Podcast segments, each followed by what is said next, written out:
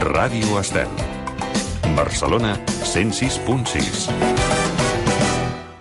Bon dia, avui és dimarts 31 de març i passen ara mateix 3 minuts 53 segons de les 11 del matí. Acabem més, i acabem més enfilant el camí cap a la Setmana Santa, que ja és la Setmana Santa que ve, diguéssim, la setmana que ve ja trobem la Setmana Santa pel camí.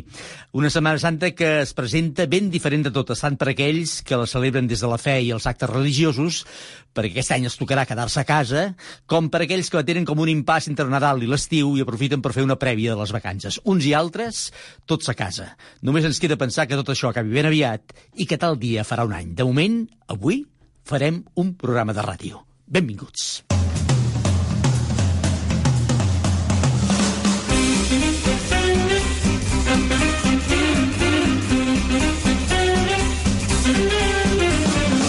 Oh, Déu meu, de dilluns a divendres d'11 a 12 del matí a Ràdio Estel.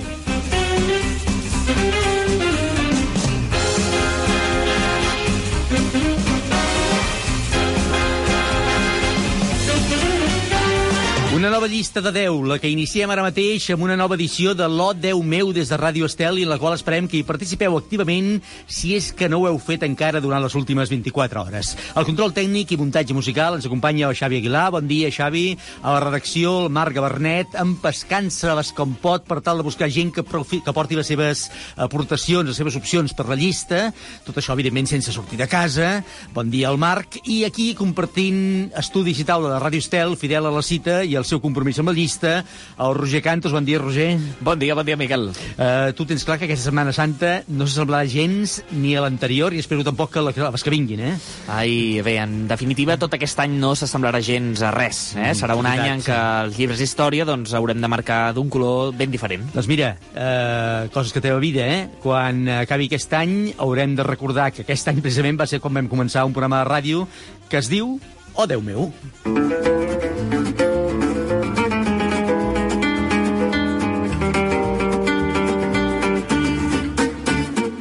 Quan ens preguntin, escolta, quan vau començar l'O Déu meu, l'any de la pandèmia? Any, sí, haurem sí, de dir sí. això, haurem de dir això. Eh, I, quan facin aquells documentals en blanc i negre, bueno, no seran en blanc i negre, ara veiem els de blanc i negre, el de la pandèmia del 1918, però quan el facin d'ara, que seran colors, espero, diran, i aquell any mm, van començar un programa a Ràdio Estel Eh, que no, es sé, deia... no sé si això és una mica presumptuós, dir No, que el nostre no, programa no, sortirà no. Als, als anals de la història. No, per això però- sortirà, sortirà, perquè Ah. mentrestant eh, la pandèmia, enmig de la pandèmia, enmig de la quarantena, enmig de la com- de- de- d'estar tots confinats, Hi havia un petit reducte de... hi havia una hora al matí... Els, Som, a- som els gals. En som, fi. Els gals. Som els què? Els gals? Els gals. Els gals, home. Els gals allà que anaven allà... allà No, home, a com batallar, Astèrix Obèlix, que, Sí, sí, que sí, tots bé, eren de, de romans, però hi havia aquell petit reducte que aguantaven. Molt bé. En fi, un odeu meu que per la seva llista avui es disfressarà de dibuixos animats. Recordarem la nostra infantesa, o potser no, perquè, com dèiem ahir, els dibuixos animats no només són pels infants, sinó que quan som grans continuem sent també víctimes d'aquestes sèries de dibuixos animats, perquè continuen sent una opció vàlida pels nostres gustos audiovisuals. Exacte. No, les sèries no necessàriament estan enfocades a un públic eh, purament infantil. Eh? Mhm. I, I penso que segurament això és l'èxit que fa que sobrevisquin al pas del, del temps i de la història. Doncs entre totes, unes i altres, les dels més petits i les dels més grans o les de tots, eh, avui farem i dibuixarem la llista de 10 del dia d'avui, d'avui dimarts, la de les 10 millors sèries de dibuixos animats. N'hi ha moltes i no serà fàcil decidir-se per una o per una altra. Home, sempre és molt difícil això de decidir, eh? Pensa que ens passem la vida decidint i no ens n'adonem, eh? La vida... Mira, Roger, la vida és una decisió constant. Caram, Miquel, pensava que el títol de El filòsof del programa el tenia jo, però veig que... No, tu ets el del poeta. Ah, el poeta. Tu ets el poeta, Vale. sí, sí, sí, sí. Jo, en fi, sí, he vingut molt filosòfic avui. Molt bé, molt bé. Res, eh? Ja, ja m'agrada, ja m'agrada. La gran decisió de la vida, segons la llista d'avui, seria ets més de Heidi o de Marco? Eh, aquesta, eh, que recordo que eren les dues, vaja, en les quals havies de debatre quan jo era petit, eh? Eres de Heidi o eres de Marco? Un dels dos. Bé, ja veig, Miquel, per on van els teus gustos en Sí. matèria de dibuixos animats. Eh? Veig que et vas quedar ancorat en el passat, com en moltes altres coses, però bé, ja està bé, bé. ja està bé, perquè aquest programa, al final, Tu ves insistint, tu abarca, sí, tu, sí, abarca sí. moltes generacions. Vinga, va, que en qualsevol dels casos espero que sigui avui una llista apassionant.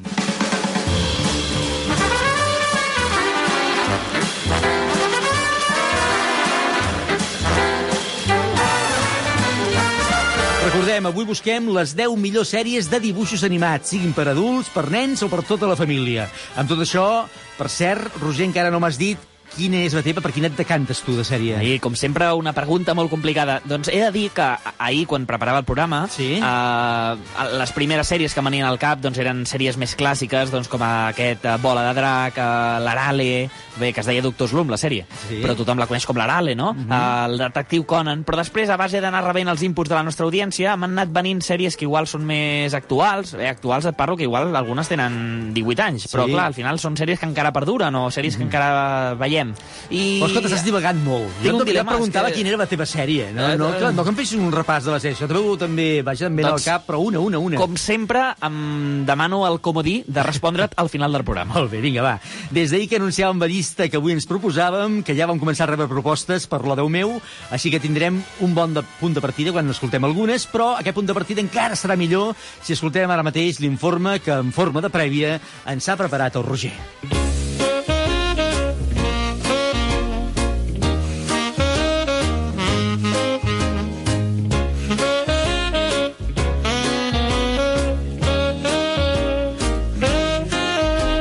Començaré el programa reconeixent que sóc dels que encara guarda el seu carnet del Club Super 3. Un nen dels 90. Però no ens posem nostàlgic ni sentimentals. Això ha de ser un anàlisi periodístic, antropològic fins i tot, i n'hauríem de dir un estudi del consum televisiu infantil, especialment als anys 90. La foto plastificada del carnet blau llampant em fa pensar en què n'hauria estat de tot plegat sense aquest club. Més enllà d'aquella fauna del canal, amb personatges tan mítics com el Petri, la Nets, la Noti, el Tomàtic, el Magazero o la Ruïnosa, actors que feien molt bé al programa, val la pena recordar la selecció de dibuixos animats que va embadalir a tota una generació durant migdies, tardes i vespres. Per fer-ho, ens hem de remuntar a l'època del VHS, el Walkman i la primera Game Boy en blanc i negre. L'estat espanyol encara no veia el programa com una fàbrica d'adoctrinament catalanista i pels nens, veure el següent capítol de Bola de Drac era una cita sagrada. La festa dels súpers, a Barcelona, especialment a Montjuïc, era eh, un pelegrinatge anual indispensable. Cançons, musicals, activitats, jocs... Tot nen dels anys 90 i finals dels 80, o a conseqüència, els seus pares i mares, coneixeran aquestes sèries animades i cada opening.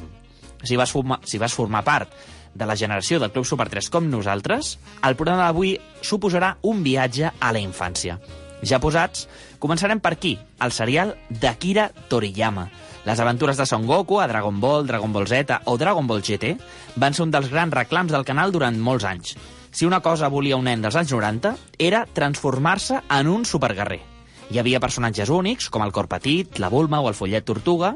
El domini de les arts marcials, l'aura daurada o els pèls extra punxeguts van ser inspiració de moltes lluites a l'hora del pati.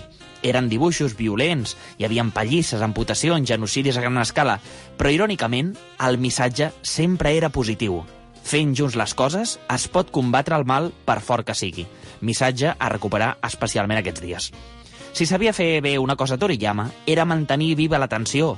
20 minuts d'insults catalans d'en Vegeta, 30 de mirades penetrants, o bé tres capítols carregant la bola Genji, i no, l'interès no dequeia mai.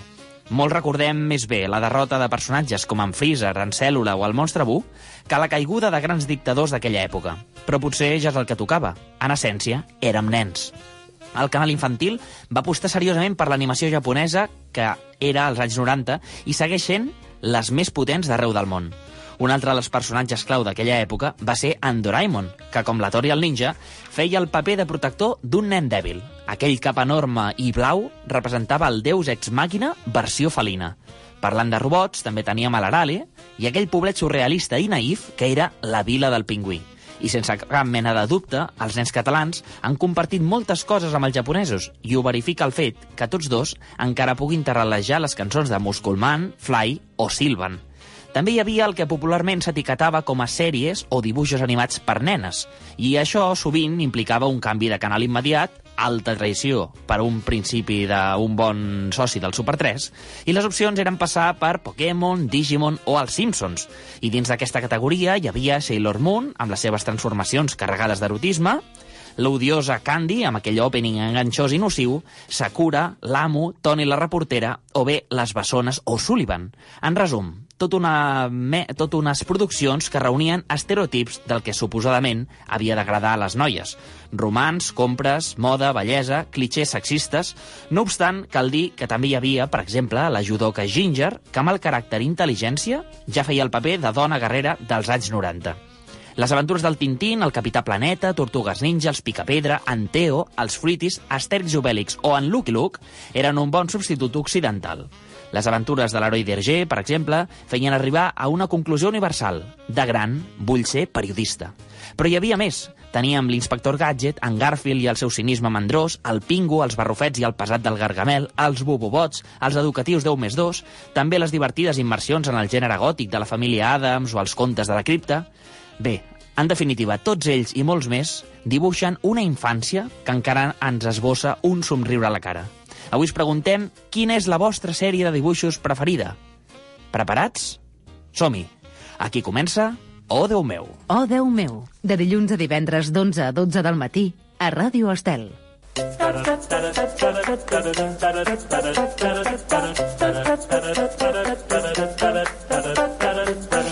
Doncs déu nhi el recull històric de sèries que n'has fet en aquesta prèvia, que ens ha donat moltes pistes, i ens has recordat algunes que potser les tenim una mica oblidades en el nostre disc dur particular. Eh? Tenim allò en un costat allò amagat, però que quan els dius els recordes, sí. I tot i que he sigut molt generós a l'hora de dir títols, sí. encara he fet curt. Eh? Sí, perquè... molt curt, perquè clar, tu t'has centrat més en la teva dècada, en la teva clar. generació, però si anem més enrere en trobaríem moltes d'altres. I perquè segur... has dit la Heidi i el Marco i em sembla perquè ja sabia, ja sabia que els diries tu, Miquel. Sí, molt bé, eh? molt bé, molt bé, perfecte. I, i la senyorita Rottenmeier. També, també. Doncs vinga, va, que tot això avui espero que surti d'una forma o altra a la nostra llista de, de 10. A partir d'aquí comencem el camí cap a aquesta llista. Tinc moltes ganes d'escoltar les propostes dels nostres oients, les que ja hem rebut i les que encara tenim temps de rebre durant aquests 45 minuts que ens queden de programa. Recordem els canals per via dels quals la gent ens pot fer arribar les seves propostes, Roger. Doncs ens poden escriure a les nostres xarxes socials, que són l'Instagram i el Facebook, on ens hi trobareu buscant el nom del nostre programa, o Déu meu.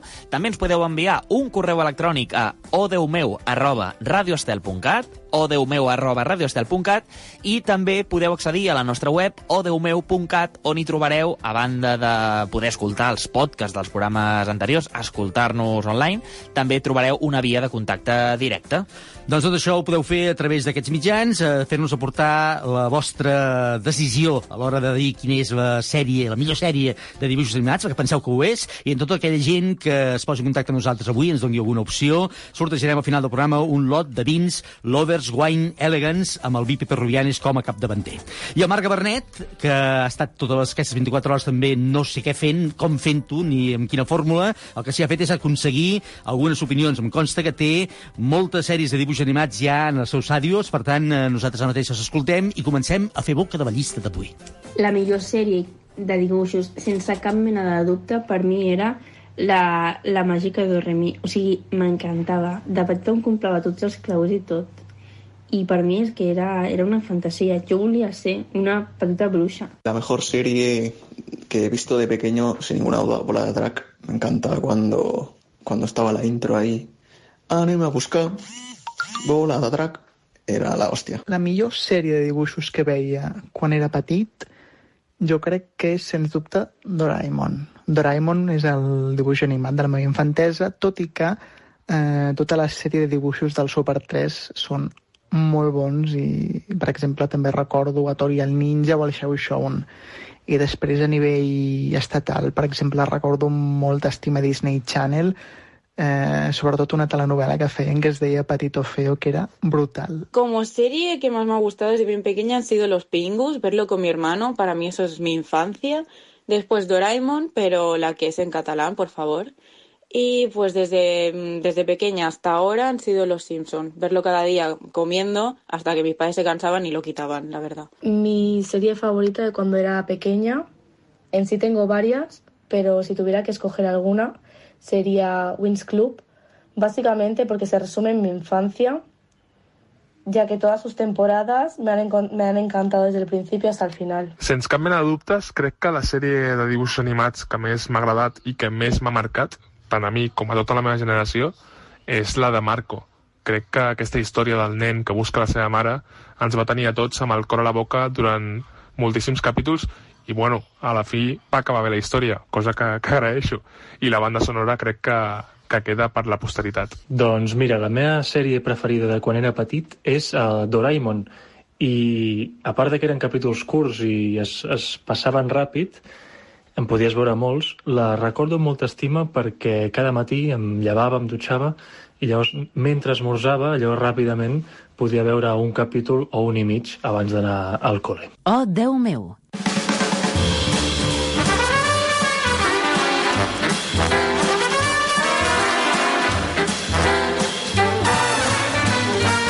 Cada matí podia veure un capítol o un i mig abans d'anar al col·le. Clar, és que a vegades si havies de marxar al col·le l'havies de deixar mitges. Però això devia ser la solució fantàstica per moltes mares i molts pares, més mares que pares, sospito, que era la forma de tenir el nen o la nena tranquil mirant la sèrie i mentre anar-lo pentinant, anar-lo vestint o Sí. anar-lo fent... I a més, eh, sempre, punt, sempre tenies la companyia, perquè els tenies a l'hora d'esmorzar, a l'hora de dinar i després a l'hora del vespre, a mitja tarda, també tenies aquella, aquella petita dosi de, de dibuixos animats. Són les 10 millors sèries de dibuixos animats les que busquem avui per la nostra llista de 10. I ara hi posarem música, la que en Roger ha triat Bé, avui no l'ha triat, eh? ara, ara ho explicaré, perquè avui la posa a contracor, ja ho sé, eh, perquè ell havia tret una cosa raríssima, us- una cosa que no sé, Jo, digue'l, digue'l, jo havia triat una cosa moderna. Una, bueno, jo que sé, una cosa que, que no, no, no s'aguantava per enlloc i vaig escoltar i, escolta, posem una cançó al programa, posem una cançó, que, que sigui una cançó normal.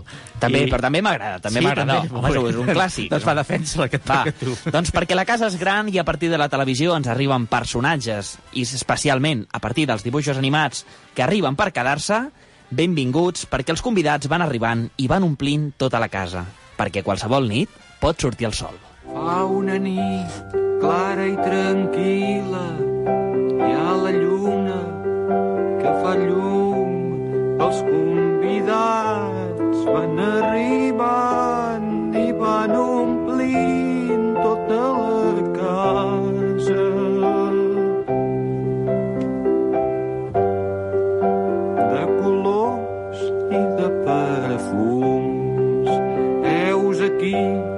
Blancaneus, en Pulgarcito, els tres porquets, el gos Snoopy i el seu secretari Emili i en Simba.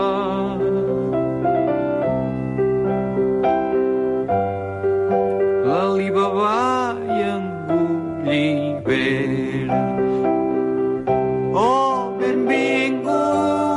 Passeu, passeu, de les tristors en farem fum. A casa meva és casa vostra, si és que hi ha cases d'algú. Hola, Jaimito i Doña Urraca i en Carpanta i Barba i Frankenstein i l'home llop i el conte Dràcula i Tarzan.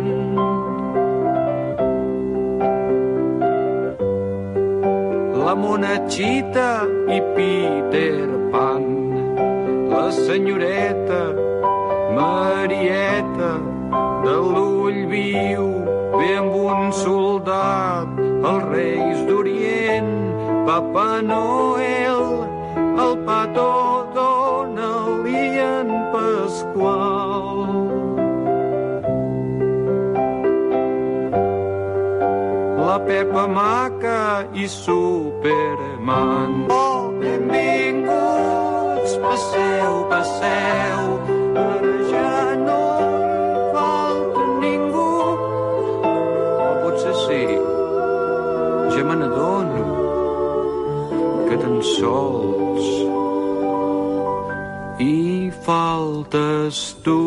Tots aquests eh, personatges que dibuixava Sisa, la seva cançó Qualsevol nit el sol, alguns d'ells van prendre vida després en sèries de dibuixos animats. Algunes potser sortiran a la nostra llista d'avui, perquè avui busquem les 10 millors sèries de dibuixos animats. Ràdio Estel.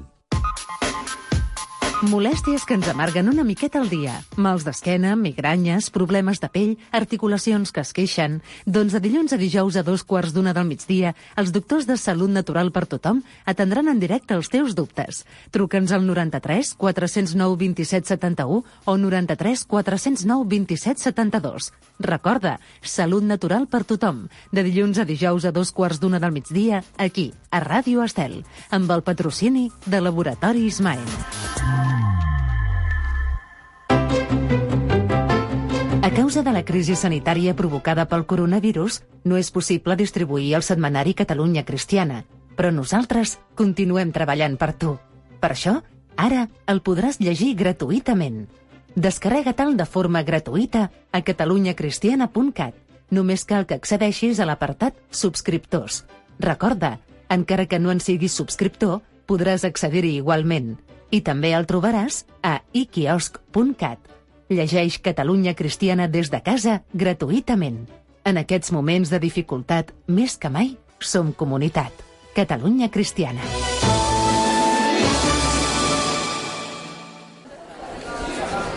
M'explicaries què escoltes quan poses la ràdio? Pues siempre acabo posando Radio Estel. Sempre? Siempre, seguro. Radio Estel, la mejor radio.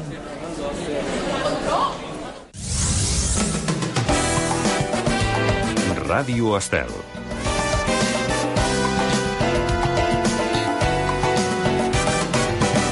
Oh, Déu meu, amb Miquel Morgà.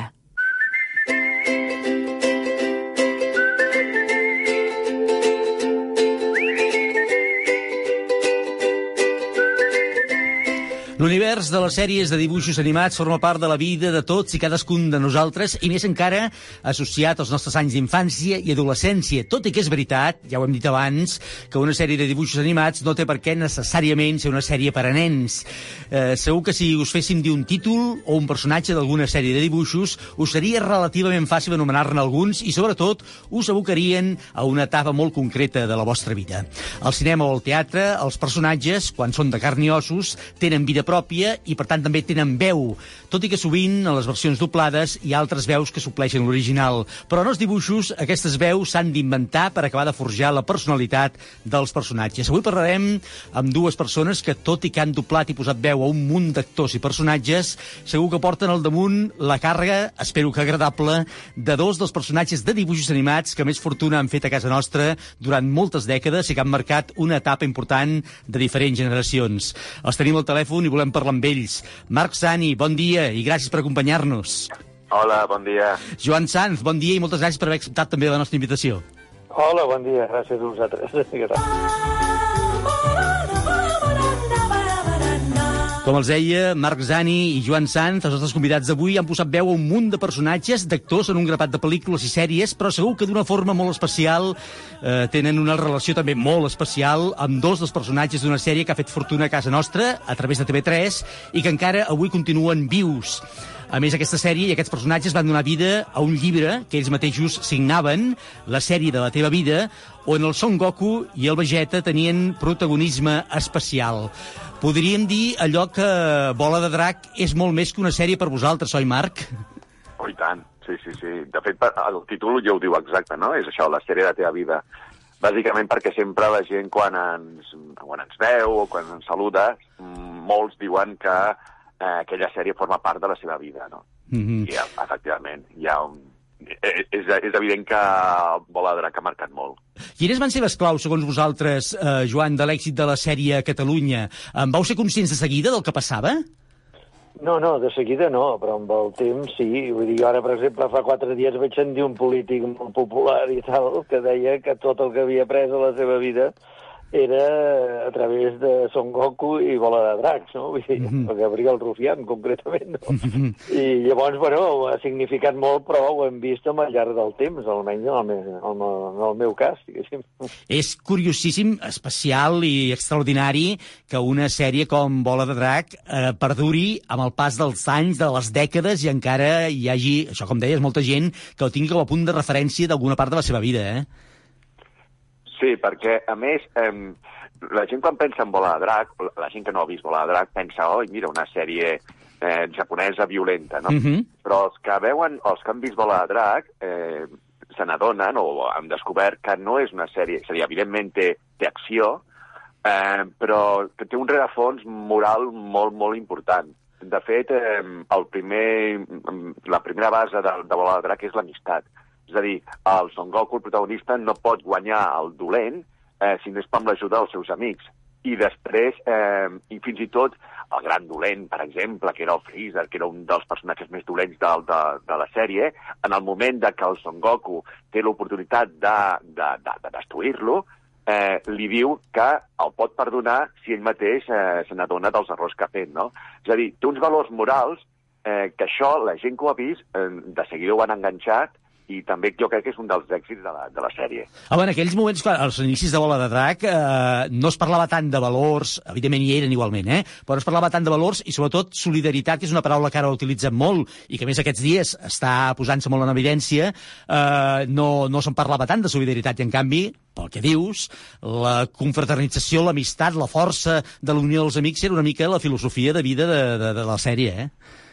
És clar, és que el problema és que molta gent, i a aquella època tenim, eh, eh, bueno, la, la, la, història eh, ho constata, no?, de que polítics i gent important en el seu moment eh, es queixaven de que la sèrie era molt violenta, que no era per nens, que la tenien que treure de TV3, però molta gent que es queixava precisament no havia vist la sèrie. És a dir, es quedaven només amb les imatges violentes que ja existien, que hi havien, de les lluites, però no, no veien res més i clar, s'hauria de veure la sèrie per adonar-se de que no tot era lluites, cops i, i punyetassos.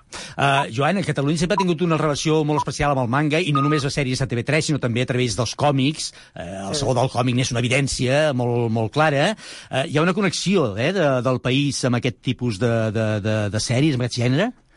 Sí, sí, hi ha una connexió i això anant una mica el que deia el Marc. La prova és que aquells nens d'aquella època que es deia doncs, que es havia de prohibir això i tal, doncs ara són gent ja adulta i coi, el resultat crec que és molt bo. Uh -huh. I molts eh, bueno, s'han criat en el món aquest de la manga i, de, i tenen una afició brutal per anar al saló el Saló del Còmic, vull dir que forma part de la seva cultura, de lo que els ha fet com a persones.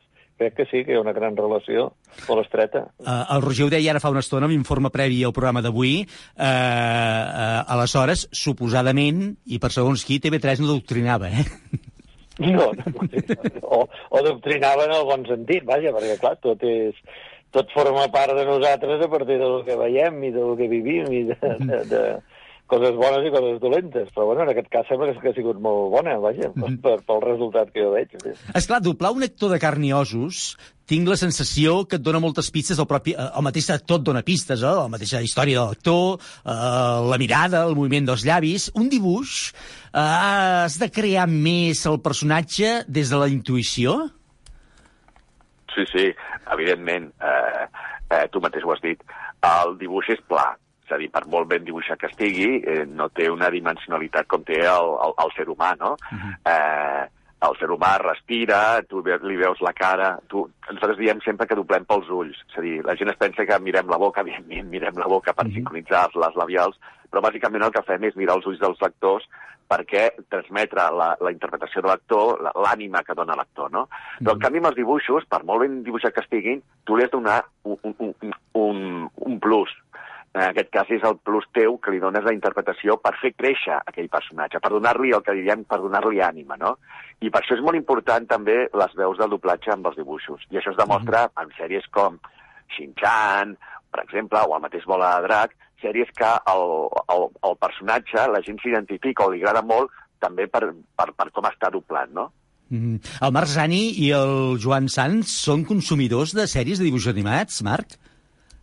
Uh, sí, jo sóc consumidor de tot, perquè m'agraden molt les sèries, m'agraden molt les pel·lícules, i, i sí, sí, sí, sí, puc, si, si, si m'agrada el tema, jo, jo, per exemple, llegeixo molt manga, també, uh -huh. eh, i, i anime sí, hi ha, hi ha pel·lícules que, que he vist i que m'agraden. Jo me'n recordo que la primera que vaig veure aquí era, encara me'n recordo que vaig anar sol al cinema als anys 80 i escaig, a veure que va ser la primera gran pel·lícula anime eh, de, que, es va, que es va fer aquí, vull dir, que es va, que es va exhibir aquí, i, i ara avui en dia si, si puc o si m'agraden, sí, sí, ho veig. Joan? Sí, sí, jo consumia de petit. bueno, quan jo era molt petit, eh, bueno, ja en aquella època, als anys 50 finals i tal, és quan va venir la tele, encara no escoltàvem la ràdio a casa meva. Mhm. Jo consumia, per exemple, el Capitán Trueno, en recordo coses d'aquestes, que en aquella època no era el manga encara, però sí, sí, sempre ha format part de la meva infància també, de seguir la, les sèries. I ara de gran, bueno, veient l'èxit de jo, doncs també m'hi he aficionat, tot i que hi ha una edat doncs, que ja no és per, per mirar dibuixos animats, però la curiositat m'ha portat a, a llegir moltes coses d'aquestes. Sí. Ara fa un moment ho dèieu, vosaltres, eh, Bola de Drac, tenia una certa censura, censura i autocensura a moltes cases. Eh, va, siguem francs. Ja M'imagino la resposta, eh? però parlem-ne. A vosaltres deixaríeu veure tranquil·lament la sèrie als vostres fills? Uh, a me... sí, sí, sí, sí, sí. Tot i així, els meus fills no són grans consumidors de bola de drac, curiosament. Uh, bàsicament també jo crec també perquè uh, jo quan surto en el, quan aparec en el bola de drac, en el bola de drac Z, el, son, aquell, aquella etapa del bola de drac és més violenta que la primera. La primera és molt més còmica, no? A la segona etapa, doncs, doncs hi ha més lluites. I, i jo me recordo que els meus fills, quan jo veia, eh, s'espantaven de veure el cèl·lula i, i els personatges dolents i no, els, no li agradaven gaire. Els agradava més la, la primera, que és bastant normal, eh? Per tant, no s'hi devia agradar gaire el Vegeta. Eh?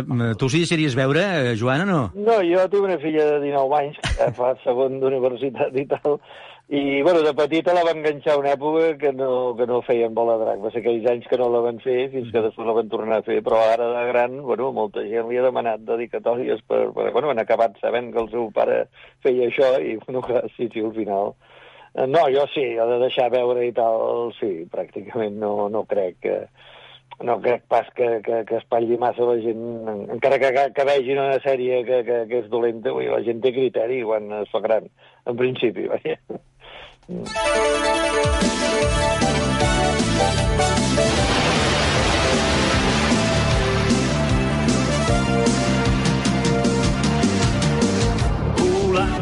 volant, sempre amunt, sempre amunt, na, na, na.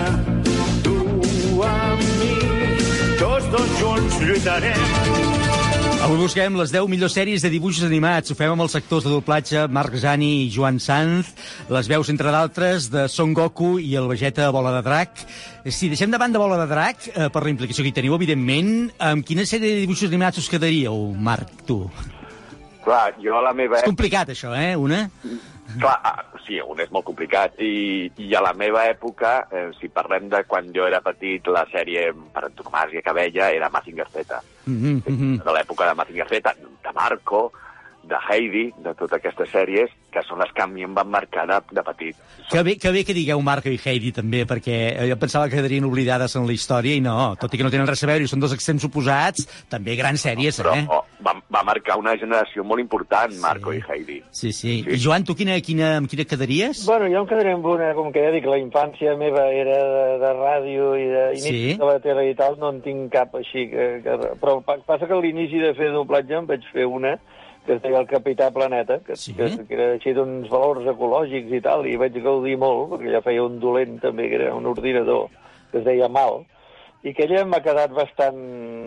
Aviam, jo no he fet tantes com ha fet el Marc, perquè uh -huh. últimament em dedico més a adaptar guions de doblatge que no pas a doblar, però, però aquesta feina em va agradar molt i no em hagués fet res, que haguessin vingut doncs, 50 capítols més i seguir perquè era molt...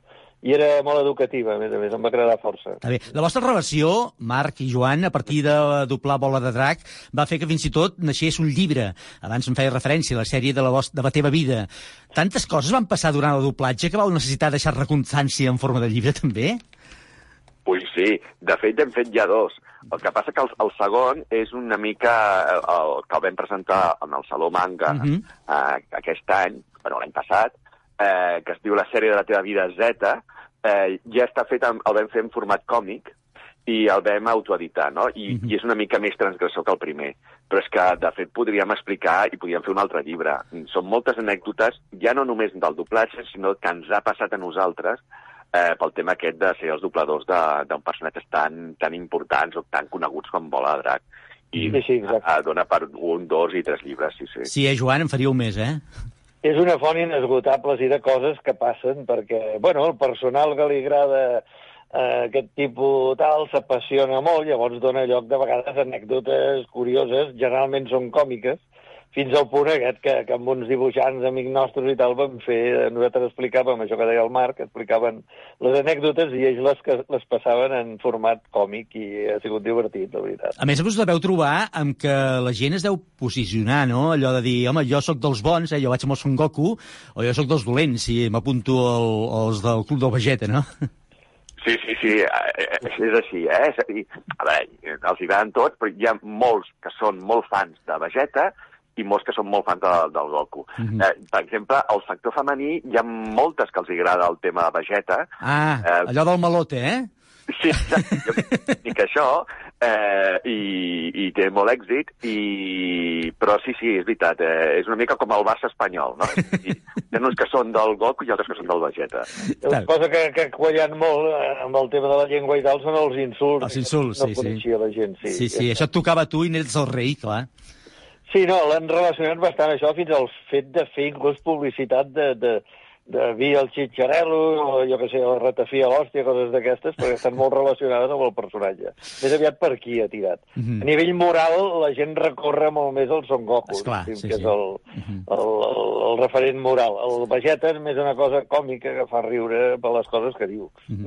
Escolteu, amb els ens toca viure ara, concretament, amb tot això del confinament, amb la quarantena, hi ha gent que es passa el dia, ahir ho comprovàvem quan demanàvem 10 coses que la gent està fent a casa per passar els dies, eh, dèiem, es passa el dia mirant sèries i mirant pel·lícules a casa. Segur que aquests dies hi ha qui deu estar recobrant tots els capítols de Bola de Drac. Vosaltres ho feu de tant en tant? De recomanar... No, recuperar, de veure'ls, de posar-se davant de la tele i mirar-los. Sí, sí, sí. mm, El, bueno, jo, jo ja no de mirar bola de drac, Mhm. ja, jo me'ls tinc molt... Molt apresses. molt I, i, i, i, i no, no la miro, no? Però, però evidentment, és, és una sèrie que jo recomanaria... De fet, de fet, hi ha molta gent que em- m'envia missatges demanant on la poden aconseguir, no? Com Sí. jo sabés, Mhm. tingués la- l'habilitat de dir, doncs mira, sé... O... Com si la indústria fos teva, eh? Perdona? Com si la indústria fos teva, com, eh? com si... Exacte, exacte, com si fos el, el dueño o el cap de TV3, eh, i ho sabés tot. Doncs, però perquè, i la demanen i la reclamen, gent eh, gran que la vol tornar a veure, o li agradaria veure, o, o tenir-la a casa, i, i que això passa molt, eh? Gent que ja són pares o, eh, i tenen fills i volen que els fills la, la vegin, no? Això també passa molt. Gent que fa poc, per exemple, un company de doblatge li volia fer de regal a la seva cosina, que és una noia, una nena, Mhm. eh, li volia fer regal perquè ho havia demanat doncs, als episodis de Bola de Drac i m'estava de- demanant com podia aconseguir, perquè s'estan pràcticament esgotats, eh, tenir episodis, comprar episodis de, de Bola de Drac per regalar-li a la seva nena. Curiós, sí, sí, està bé. Escolta, i què fan dos sectors? Sí, digues, digues, Joan. No, perdona, una cosa referent... eh, De fet, queden uns 100 capítols per doblar de Bola de Drac, super. Uh -huh. De fet, al Japó i tal, però en català encara no s'ha doblat. I la pregunta recurrent que més ens fan, crec, a tot qualsevol acte que hem anat i tal, és quan es farà Bola de Drac Super i digueu als de TV3 que la facin. Això, com es pot. Truqueu al director, truqueu al director, eh? Sí. I, quan, I quan es farà, ho sabeu o no ho sabeu, eh? No, però... No, eh, eh, és, la, és el que sempre diem el xupito, no? Perquè ens la fan tantes vegades que quedaríem una mica borratxos. Haguéssim un xupito per les vegades que ens ho diuen. Sí, sí. sí. Uh, el, el que està clar és que no tenim ni idea. Nosaltres no, no, nosaltres som treballadors, per dir d'una manera, que TV3 dona una feina a un estudi i l'estudi ens, ens, Sí. ens crida, no? Mhm. Per tant, eh, jo crec que el dia que TV3 tingui eh, gos i, comprar la sèrie, ho sabran abans els, fra, els fans, Mhm. dels mateixos. Uh, I per cert, que fan dos actors de doblatge, o directors de doblatge, o escriptors, periodistes, com vulgueu dir-hi, en temps de confinament, a casa, tantes hores? Doncs per la meva part, eh, treballant també, perquè al ser director doncs, Mhm. hem de preparar les sèries, que s'han d'ajustar també, com el Joan que també ajusta, Mhm. eh, s'han de fer repartiments i llavors, doncs, bueno, a mi la, fe la sèrie, me la, la, la feina me la van donant, el que passa que està parada en el Clar. moment de doblar, no? Mhm. I eh, llavors, doncs, et distreus amb això, amb, amb el tema de direcció de casa, per dir-ho d'una manera. Mhm. Joan, sí? També el mateix, Sí. sí, sí que, bueno, un estudi que és del, del germà del Marc, justament, del Sergi, Mhm. i, bueno, estic preparant feines de documentals, traduccions, ajustos, per quan s'acabi el confinament i es pugui tornar a treballar, doncs, avançant la part de preparació de guions i adaptació i tot això. Diguéssim. Avui que busquem les 10 millors sèries de dibuixos animats, ens venia molt de gust, molt de gust parlar amb dues de les veus més carismàtiques d'una d'aquestes sèries que ha fet fortuna, continua fent fortuna a casa nostra, La bola de drac, amb el Marc Zani, Son Goku, eh? i amb el Joan Sanz, Vegeta. Moltes gràcies, eh, ja ho sabeu, un plaer sempre parlar amb vosaltres, eh, que us vagi molt bé i que tingueu molta paciència fins que això acabi, eh? Molt bé. Moltes gràcies a vosaltres, una forta abraçada a tots els oients de Radio Estel. Una abraçada a tothom. Oh, Déu meu, cada dia una llista de 10 per enriquir la nostra vida.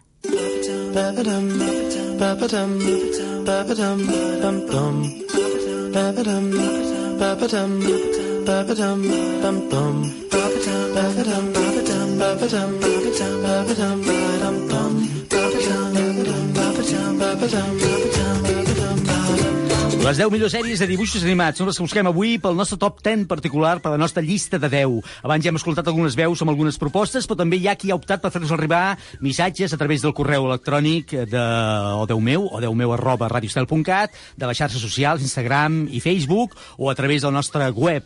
Eh, què diuen aquests missatges escrits, Roger? Alguns, doncs, tenim molts missatges i aquí ja sí que tenim una varietat de generacional. Que bé, eh? que bé, Perquè- que bé. Per fer-te content. Vinga. Mira, la Laia Cobo ens fa arribar, la meva sèrie preferida és Doctor Slum, Mhm. eh? que és la, la mítica Arale, eh? però que la sèrie original es deia Es deia Doctor així, Slum. Eh? De vegades els títols de les sèries o de les cançons, dels llibres no tant, però de les cançons passa molt que acaben tenint un títol que no és el que havia posat l'autor, però que és com el que s'ha popularitzat, o la tornada, o el que sigui. Doncs això també passa amb les sèries. Doncs, per exemple, la Paula Calvet ens diu Utena, diu per tot el que és i tot el que va significar per mi. Eh? Utena. Utena. Aquesta he de dir que jo no, no, no, no, la conec. No, no, ens han mirat Ah, tots, o Xavi també ens mira dient què és això? Doncs Diu, el Jaume Oromí diu, us en recordeu de Érase una vez? Oh, i tant. Però atenció al que diu, que és molt maco. Diu, doncs gràcies a vosaltres l'he trobat a YouTube. Per cert, el perfil de la nostra associació solidària, ja recordem Sí, que ahir en Jaume ens veritat, recordava sí. un, eh, una associació solidària que és els Pallapupes, que és Mhm. arroba Pallapupes, és, i el perfil d'aquesta associació ens recorda que és arroba un camí de nassos, arroba un camí de nassos, Mhm. des d'aquí, doncs, una plataforma a través de- d'Instagram. Eh? Per tant, ell ens diu que gràcies al programa d'avui va començar a rebuscar i a través de YouTube ha trobat aquests programes del Eres una vez, Molt eh? bé. que hi havia diferents... Molt educatius. Sí, Eh, eh, sí. Hi havia de la història del cos, del cos Mhm. humà, etc. Què més? La Marina Cotanda ens diu Doremi, que ja ha sortit abans, el detectiu Conan, i diu... i no Conan, mm. amb dibuixos, eh?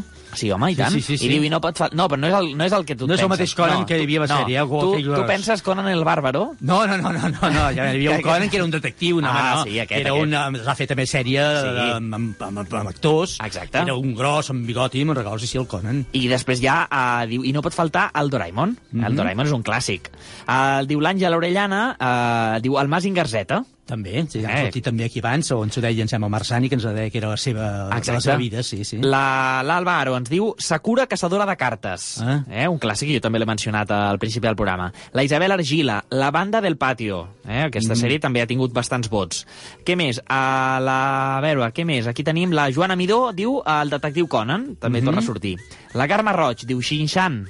Eh? Xinxan també va ser una revolució. Sí. Una sèrie, també hem tingut I, bastants I a vots. més a més amb també molta polèmica, eh? Per totes les, les actituds del, del personatge, Sí. que eren a vegades una mica obscens. Bueno, eh? però al o es final- consideraven obscens en moltes cases. Bueno, sí. perquè al final hem de buscar polèmica de tot, però els Sí. nens al final doncs, són, Sí, són, són nens, nens, no? està molt bé. Uh, tenim un vot per Érase una vez el hombre. Torna, El a hombre, tenir, mhm. torna a tenir vots. Eh? Perquè de veure si no hi havia diverses, aquí hi havia diverses derivacions, eh? Hi havia de, de l'hombre, de el, cuerpo humano, la història... humà, sí, sí. etc. Mhm. I després tenim altres vots, eh? per exemple, tenim més vots per al Doraemon. Ens han arribat vots per als Escolta, Simpsons. jo no, no has dit això de, dif- de que, que, que contentarà totes les generacions. Aquí l'única que s'acosta a la meva és això de veres una vez i poca cosa I més, el Màgic eh? Garzeta, que no és de la teva. Sí, el Home. Garzeta, sí, és veritat. Ah. Però era com molt, en aquell moment era com molt transgressor, el Màgic Garzeta, eh? Jo que era més classicot i era més això del Marco, el Màgic Garzeta em costava, eh? Home, el Marco era molt... Era un nyonyo, ja ho sé, ja ho sé, digue-ho, sí. Un bon era- drama, un bon sí, drama. Sí, eh? no saps tu que plorava. Tu saps si jo vaig començar a llegir a llegir, eh, la- l'hàbit de la lectura gràcies al Marco, Ah. perquè el Marco vam llegir-lo a classe, hi havia un professor que ens feia llegir cada dia en veu alta, i el Marco és de la primera història que recordo conscientment haver llegit de cap a peus, eh, a classe, i que després em va provocar doncs, moltes altres coses, sí, sí. Doncs sí, sí. un clàssic, un clàssic. Mi- em mires com dient, què m'expliques? A mi No, m'importa? home, no, ja ho sé. també sí, l'havia ja vist sé. alguna vegada, i la Heidi sí, també. Sí, sí, Eh, molt bé, Heidi. la Heidi també. La Heidi, ser- en aquell moment, ja sé que això ara seria, estaria, mm, seria incorrecte dir-ho així, eh? A veure què dius, Però la eh? Heidi era més de les nenes i el Marc era més dels nens. Ah, però això són tòpics Sí, que... és veritat, ja ho sé, ja ho sé, per això dic que, que ara està, estaria mal vist dir-ho així, perquè ni, ni una cosa és No. una ni l'altra és l'altra. Però sí era una mica aquesta... Les nenes de classe que miren la Heidi, i els nens, el Marc, oh, eh, està, mira, era això. Doncs mira, uh, avui en dia doncs, em sembla que la, les sèries ja són potser... Em sembla molt bé, em sembla molt bé, sí. Interge I a més a més, hi ha sèries de, de que ens han arribat que, que perduren. Per exemple, sèries com Els Simpsons, Mhm. que, que fa molts anys, no sé si ja fa més de, moltes vi- dècades, més de 20 moltes, anys, moltes, més, que, més, que s'emeten. segur, molt més. 40 anys? 30 anys, 30, 30 anys, 30, eh? em diuen, 30, sí, sí. Sí, sí. I encara, encara avui en dia, cada migdia pots dinar amb els Mhm. Simpsons. Eh? Mhm. Vull dir, jo, jo no concebo estar dinant i no posar-me els Simpsons, jo, Ah, per molt exemple. I són capítols que ja els he vist 40 vegades, però no me'n canso mai. Jo vaig al pellicer. Bueno, Bueno, cadascú, el cadascú lo seu, mateix, clar, escolta, ja cadascú, està. cadascú Sí, sí, la, sí, sí. el que li pertoca. Va. Doncs... Uh, són aquestes algunes opcions, eh, han Exacte. Déu-n'hi-do, amb tot això farem una llista fantàstica. Encara teniu temps de fer-nos arribar les vostres opcions a través del correu electrònic, que ho tenim obert encara uns quants minuts fins a acabar el programa, o deu meu arroba radiostel.cat, o a través d'Instagram o de Facebook. Ens els feu arribar i entre tots els que participeu, haguem llegit o no el vostre missatge i hagi entrat o no a formar part d'aquesta llista de 10, sortejarem un lot de vins Lovers Wine Elegance amb el Pi Pepe Rubianes com a capdavanter d'aquest lot. Uh, molt bé, déu nhi Doncs uh, tenim unes quantes propostes i ara algunes més que ens poden venir al cap, depèn del que hagis trobat a internet. I què hi diu internet? Amb Roger Cantos.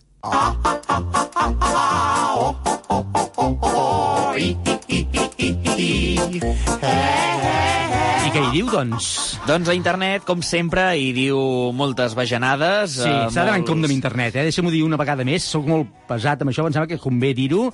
A internet trobem, és una font fantàstica, inesgotable, d'informació, de documentació, d'anècdotes, de, de tot.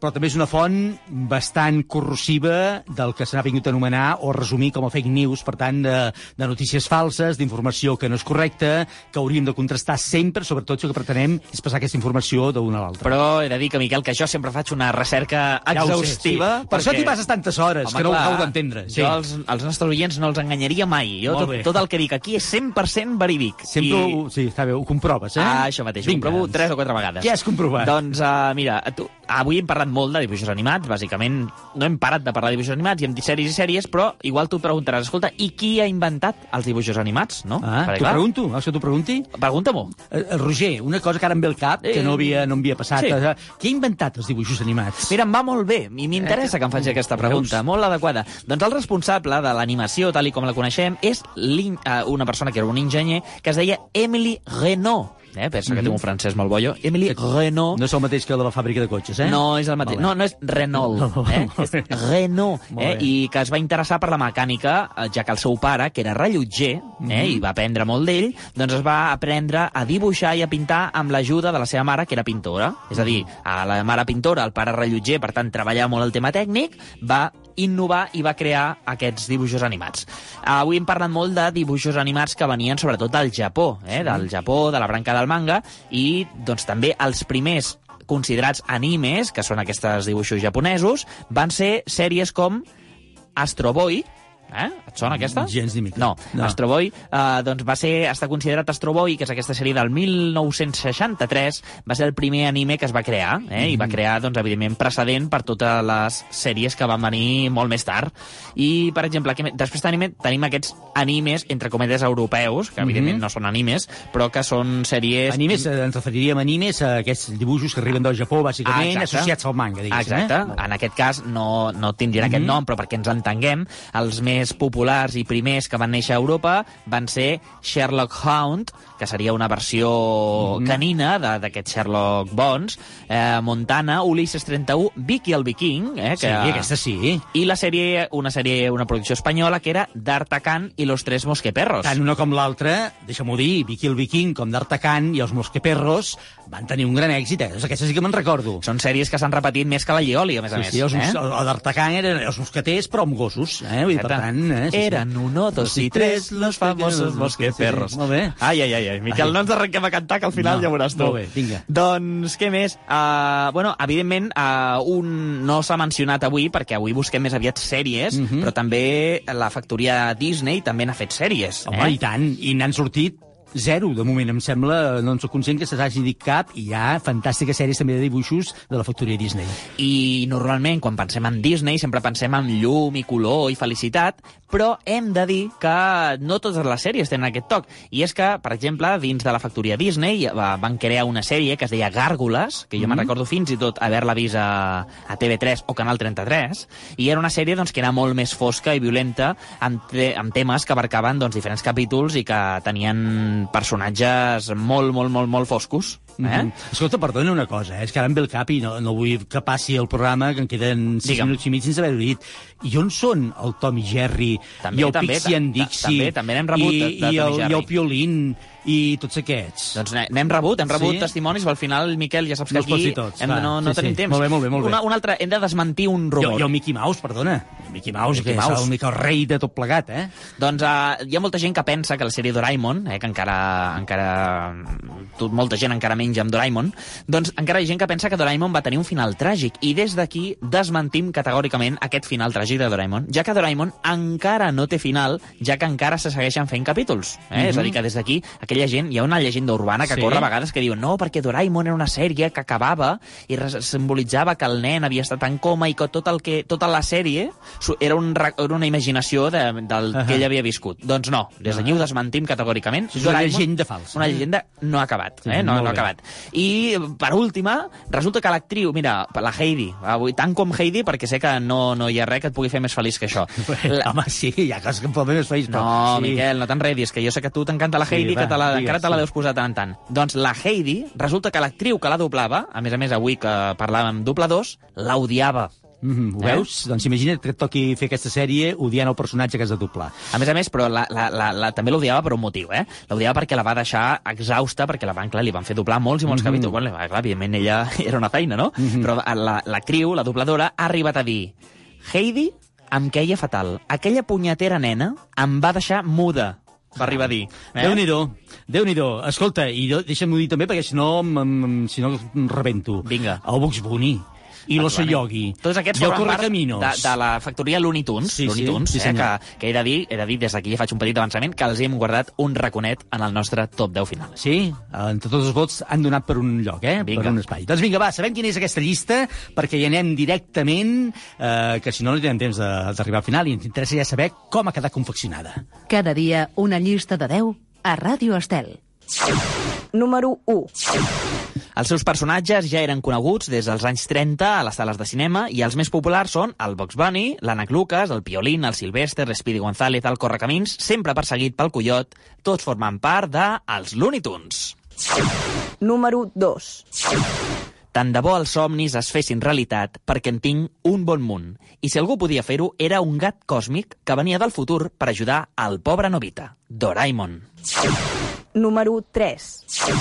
Va marcar tota una generació i per molts, com jo, somiàvem en viure les seves aventures durant l'hora del pati. Hi havia un perfil amb el que et podies identificar. Quan sonava la sirena, tots a classe, a la banda del patio.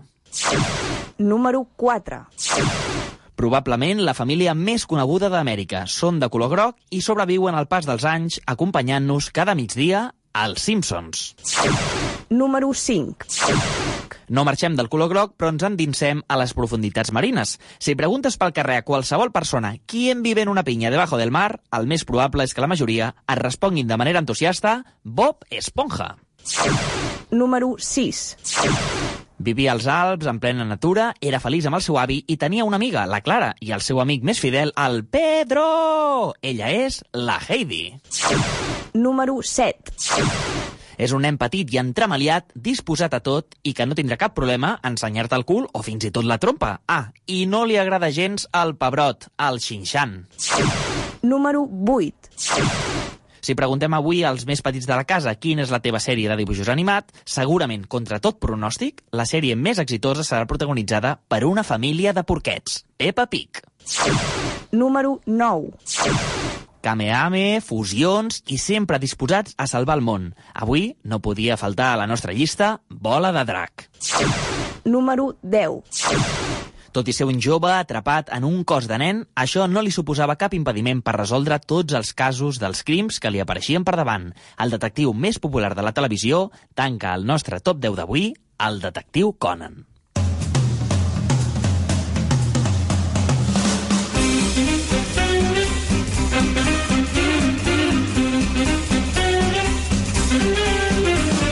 I un dia més recordem que aquesta numeració de l'1 al 10 no implica cap ordre de preferència, senzillament els, eh, si posem un número per anomenar-los, però no perquè el primer sigui el primer o el més votat o el que eh, pensem que ha d'anar primer, senzillament perquè quedin ordenats d'alguna manera.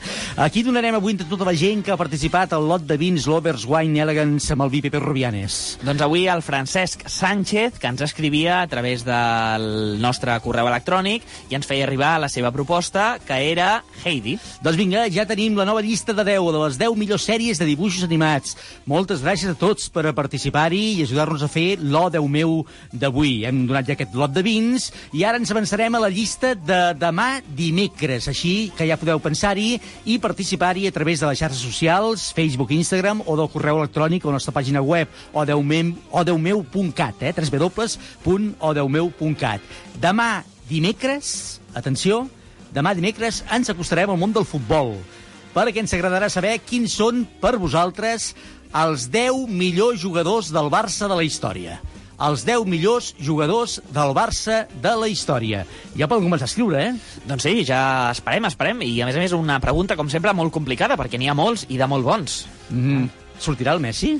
Home, Quina pregunta, eh? Inconcebible. Quina pregunta. En fi, demà sabrem, demà sabrem quins són aquests 10 jugadors que vosaltres considereu els millors jugadors del Barça de la història. Ara sí que ho tenim tot. Gràcies a tothom per participar-hi. Ja podeu fer-ho a partir d'ara i fins demà a l'hora del programa, 24 hores, oberts els 7 dies de la setmana. I un dia més el programa ha estat fet gràcies al Xavi Aguilar, des del control tècnic i muntatge musical, al Marc Gabernet a la redacció i al Roger Cantos, tot compartint taula i estudi. En tots ells amb vosaltres ens retrobem demà, dimecres, a partir de les 11 i 3 minutets. Adéu-siau i paciència, sobretot paciència. Oh, Déu meu, amb Miquel Morgà.